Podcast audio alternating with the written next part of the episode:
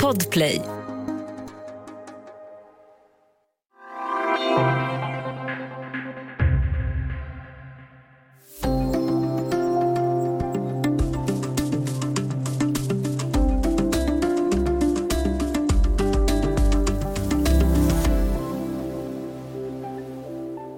Världen skakas av Rysslands anfall mot Ukraina och behovet av information är stort.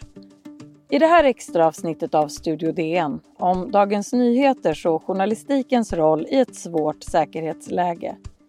Välkommen, jag heter Ylke Holago. Och med mig nu har jag Dagens Nyheters chefredaktör Peter Wolodarski. Hej Peter! Hej Ylke! Vi vaknade upp till nyheten om att Ryssland har gått in i Ukraina. Hur går tankarna idag? Nej, det är ju en, det är en fruktansvärd nyhet Eh, som ju...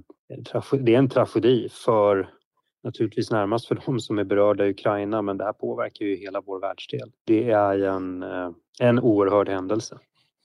Eh, jag fick, jag läste sent igår kväll så kom ju uppgifter om att det här var nära förestående. Det, mer och mer tydde på det så att jag har egentligen inte, jag gick inte och la mig igår för jag kunde, jag kunde inte, jag kände en sån oro så jag kunde inte somna.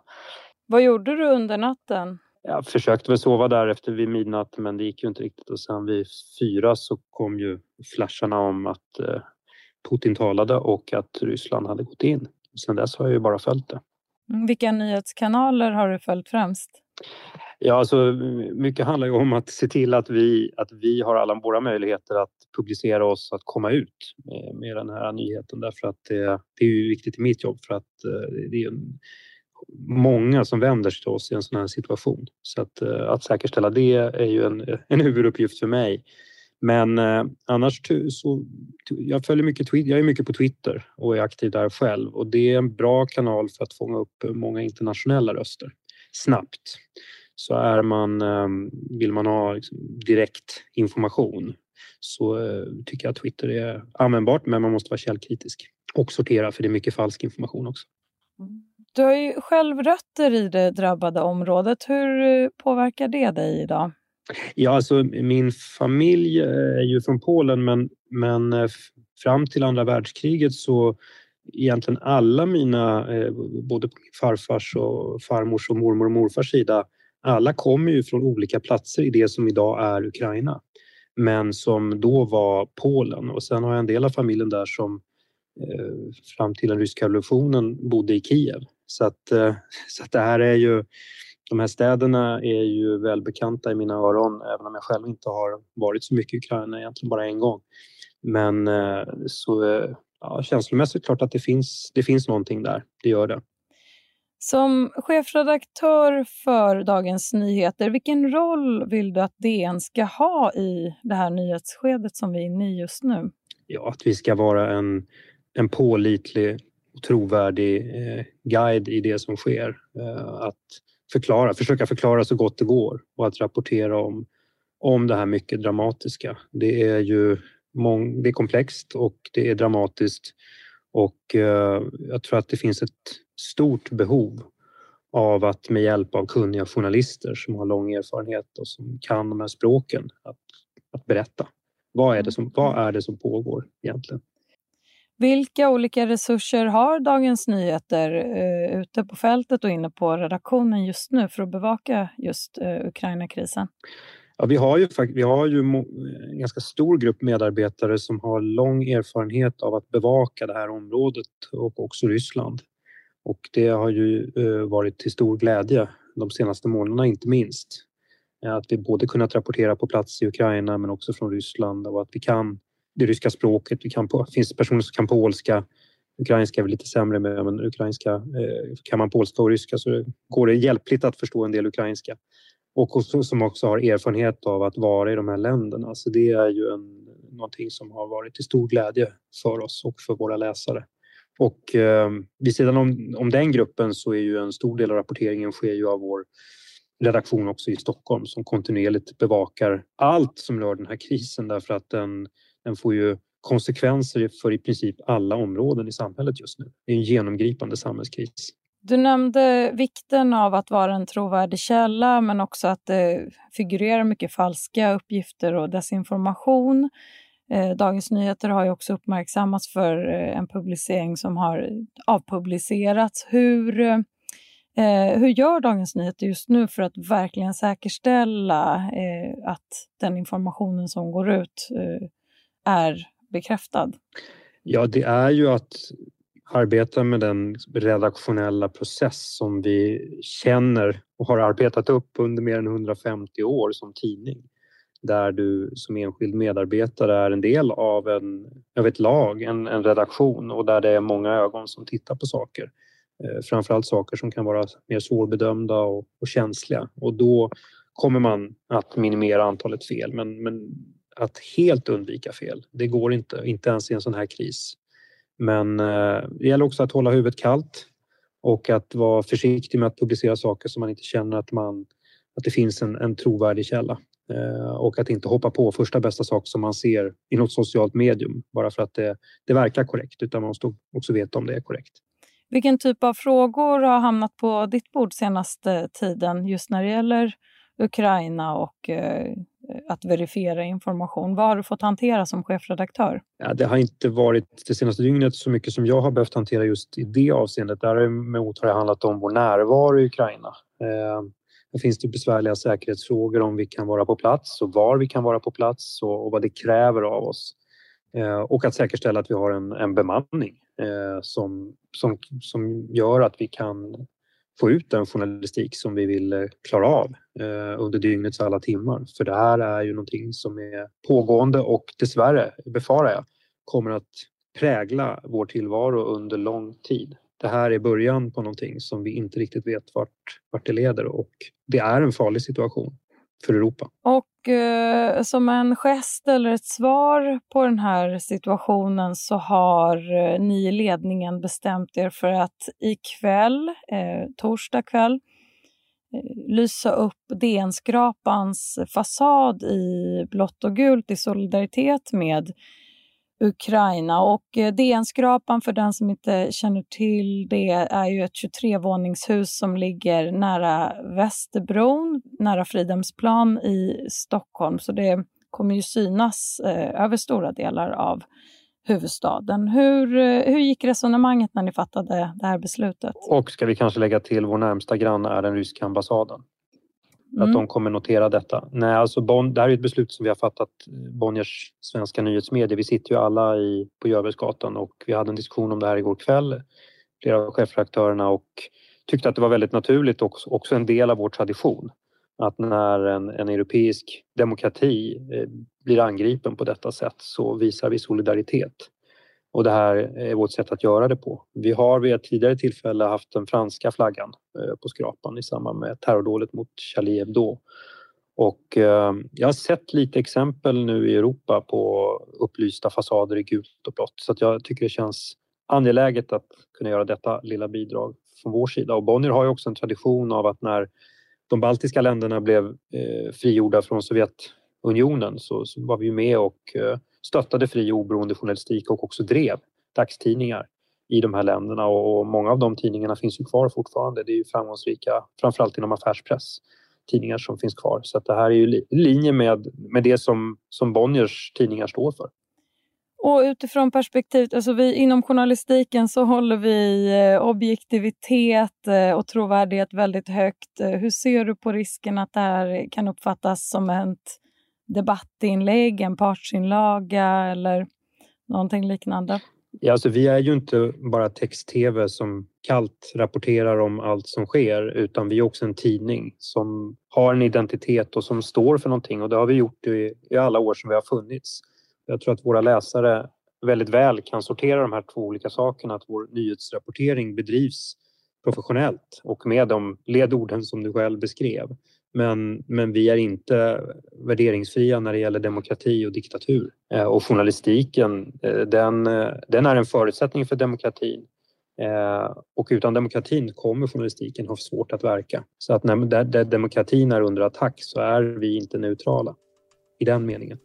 Vi ska ta en kort paus och sen prata vidare om läget i Ukraina.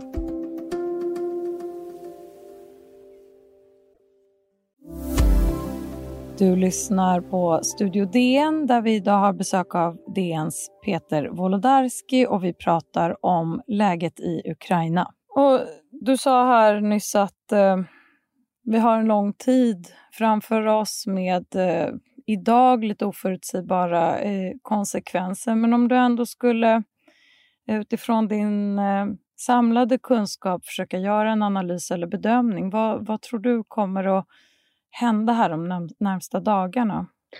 Ja, det är ju helt klart att Vladimir Putin har bestämt och deklarerat tydligt att han underkänner hela den ukrainska statsbildningen. Han ser den som illegitim och han tänker, han avser att göra slut på den.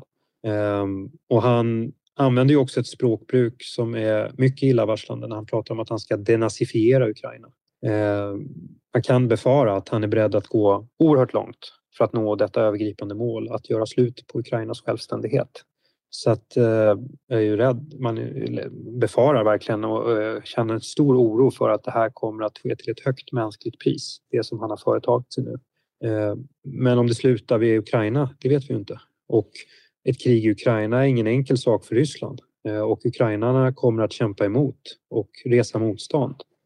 Eh, så att kriget eh, kan ju pågå under lång tid och ske till ett mycket högt mänskligt humanitärt pris. Eh, vilket får stora konsekvenser för inte bara Ukraina, i första hand Ukraina, men för, för hela Europa.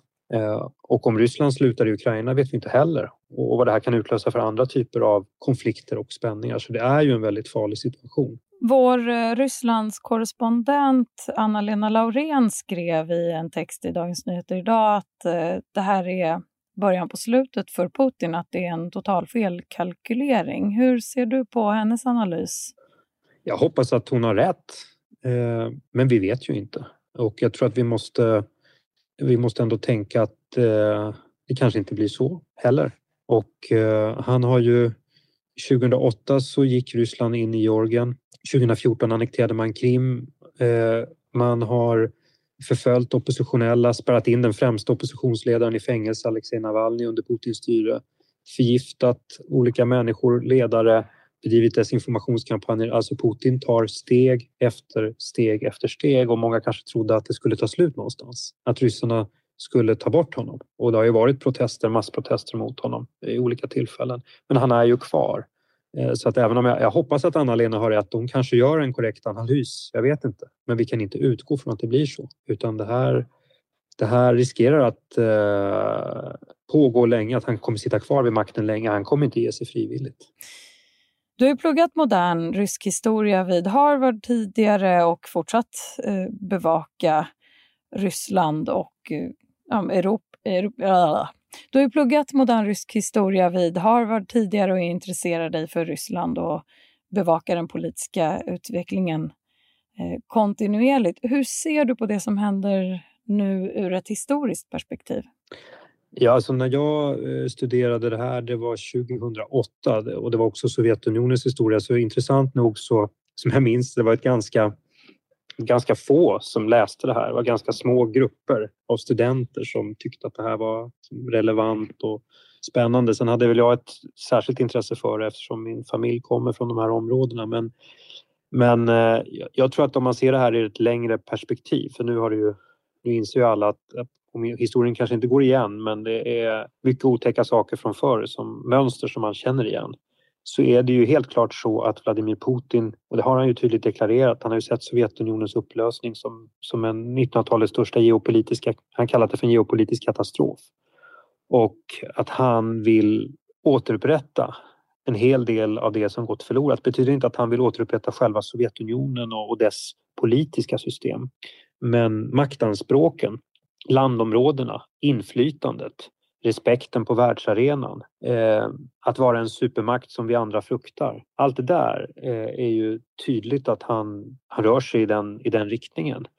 Sen om han vet exakt själv vart han vill eh, och, och vad han tar på vägen, tror jag, jag, jag tror inte det heller. Jag tror han, han, improviserar också en hel del men, men rörelseriktningen är ju mycket tydlig. Och, eh, och då blickar han bakåt i historien. Och det var ju intressant att se att han i sitt tal i sina tal här i veckan så är det ju historiska referenser som går långt tillbaka och han, han, det är en besatthet av det förgångna som också tycker jag är mycket illavarslande. Eh, han lever inte i nuet utan han lever i någon, någon mytbildning av hur det var en gång tidigare och vad Ryssland och han själv som rysk ledare har rätt till. Eh, för att han, han agerar också på ett sätt som någon slags nutida tsar. Och vad tror du krävs för att dämpa det här läget som är nu? Hur kan man nå fram till en person som Putin med alla hans eh, egenheter? Ja, alltså Europa och USA har ju i 30 år att försökt att eh, involvera Ryssland på olika sätt och, och väva in Ryssland allt mer i, i det västliga samarbetet på olika sätt. Eh, jag minns när Ryssland blev medlem i Europarådet som är en klubb för demokratier. Det skedde på 90-talet. Medlem i WTO. Men eh, vi har väl nått en punkt när det växer fram en ny konsensus i västvärlden om att Vladimir Putin kan bara bemötas på ett sätt och det är med hårt motstånd. Att han kommer inte att stanna eller stoppas, hindras om inte någon säger hit men inte längre. Och det enda som han tycks egentligen respektera det är någon som är starkare än han själv. Därför att han, han ger sig på de som är svagare och han försöker söndra eh, europeiska länder och splittra den sammanhållning som finns i väst. Så att jag tror att vad vi ser nu är ju också historiskt att för de som har tänkt att Nato inte har någon mening längre och Nato är splittrat, Natos existensberättigande ifrågasätts. Nato har nog aldrig varit så samlat nu som sen kalla kriget tog slut som det är just nu. Så att jag ser också framför mig att, att det här kommer att stärka sammanhållningen både inom EU och Nato, det vill säga länken mellan USA och EU. Det är ju inte alla ryssar som står bakom det som händer nu. Det har varit demonstrationer för fred även i Ryssland förstås, precis som här i Sverige idag. Vad tror du att den ryska oppositionen kan göra för att dämpa läget? Alltså den främsta ryska oppositionsledaren sitter ju inspärrad i fängelse. Ska vi komma ihåg Alexej Navalny. Och eh, det är en massiv propaganda som har pumpats ut av Putin-regimen nu under många år. Så att eh, det finns ju också en, en förvriden bild i Ryssland av vad som sker. Otroligt mycket lögner som har spridits av den ryska regimen och, och propagandan fungerar ju också i någon mening. Eller i ganska hög grad. Eh, så att, eh, men, men det är klart att de här sanktionerna som nu sätts i verket av västvärlden, de blir ju kännbara och för den del av Ryssland som har vant sig vid att man ska kunna resa till Europa och man ska kunna eh, interagera med, med omvärlden och, och vara en del av ett globalt samhälle. Eh, det kommer nog inte att bli möjligt längre därför att Ryssland kommer av Europa, resten av Europa och USA att mer och mer betraktas som ett slags Iran i Europa. Och med Iran vet vi ju, det, det är hårdast tänkbara sanktioner mot Iran. Eh, och vi får väl se hur tuffa sanktionerna kommer bli mot Ryssland men, men det kommer ju i praktiken innebära att man skärs av från eh, det västliga ekonomiska systemet och eh, teknologi som man tar för given kommer man inte kunna få. Eh, och det, det, det där kommer ju påverka ryska medborgare på ett sätt som kan driva igång en politisk dynamik kan, vi vet inte. Men, men eh, på sikt eh, kommer det där leda till någonting. Oklart vad. Och hur kommer Dagens Nyheter att bevaka oppositionen i Ryssland? Ja, vi ska göra vad vi kan för att vara närvarande och för att berätta så gott det går. Eh, så länge vi har möjlighet att vara där. Och vi har ju Anna-Lena Laurén som är mångårig korrespondent i Ryssland och som levt i det ryska samhället och kan det bättre än de flesta i Sverige och Finland eh, som, som gör ett jätteviktigt arbete därifrån och vi, vi har ju andra korrespondenter också som vi använder för det här så att eh, jag tror att vi det här är inte någonting som kommer pågå de närmaste veckorna utan det är någonting som kommer följa med oss under, under lång, lång tid. Det är ju en, en, en brytning i, i utvecklingen efter det kalla krigets slut. Vi går in i ett nytt skede nu. Och om vi kollar från vår horisont, vad behöver Sverige göra som nation just nu? I det här läget? Ja, det är ju upp till de svenska politikerna naturligtvis att bestämma det. Men om jag skulle våga mig på en gissning så tror jag att det kommer att... Det är några saker vi kommer få se ganska snart. Eh, jag tror inte det är en alltför vågad gissning att det kommer ske en kraftig eh, upprustning av det svenska försvaret, mer än vad som tidigare har annonserats. Så jag tror att den kommer ske i bred politisk enighet. Det kommer att starta en diskussion om Sverige bör ansluta sig till Nato eller inte. Eh, och det skulle inte förvåna om opinionen kommer att bli mer positiv till att ansluta sig. Det betyder inte att Sverige kommer att ansluta sig men, men frågan kommer att komma upp på agendan. Eh, vi har också en, det beror lite på hur, vad som händer med kriget i Ukraina men eh, fortsätter det på det sättet som vi har sett det senaste dygnet så kommer vi få se en, en flyktingkris också i det här och människor som, som tvingas lämna Ukraina och som tar sig till andra delar av Europa. Och eh, det här som den svenska regeringen har sagt att ja, under Krimkrisen eh, sa man senast igår så kom det ett par tusen flyktingar till Sverige från Ukraina. Det är ju ingen jämförelse som är adekvat utan vi kommer se helt andra nivåer. Och eh, det, det, kommer bli det, det, blir intressant att se hur det svenska politiska systemet förhåller sig till, till det. För nu pratar vi inte om ett land som är långt borta utan det är ett europeiskt land i, i vårt närområde. Vi ska börja avrunda det här samtalet men eh, innan vi släpper dig så undrar jag vad du gör, vad du kommer göra precis nu. Vad håller du ögonen på? Vad kommer du att eh, delegera för uppgifter på redaktionen? Vad händer nu? Ja, nyhetsredaktionen gör ju sitt arbete och det är ju ett... Eh, de har ju väldigt tränade för även en sån här väldigt dramatisk situation. Och vi har ju pratat under ganska lång tid om att det här skulle kunna inträffa. Så att på det sättet så är det inte så mycket som, som just jag kan göra en sån här dag annat än att eh, följa utvecklingen och diskutera vad det är vi ska prioritera om det uppstår sådana frågor och eh, finnas till hands för att, eh, för att saker och ting ska fungera om det är några problem. Eh, men eh, det är ju många som arbetar med det här. Det involverar ju en stor del av, av vår redaktion under dygnets alla timmar. Och kommer du nu att sova eller gå in och kolla dina Twitterflöden?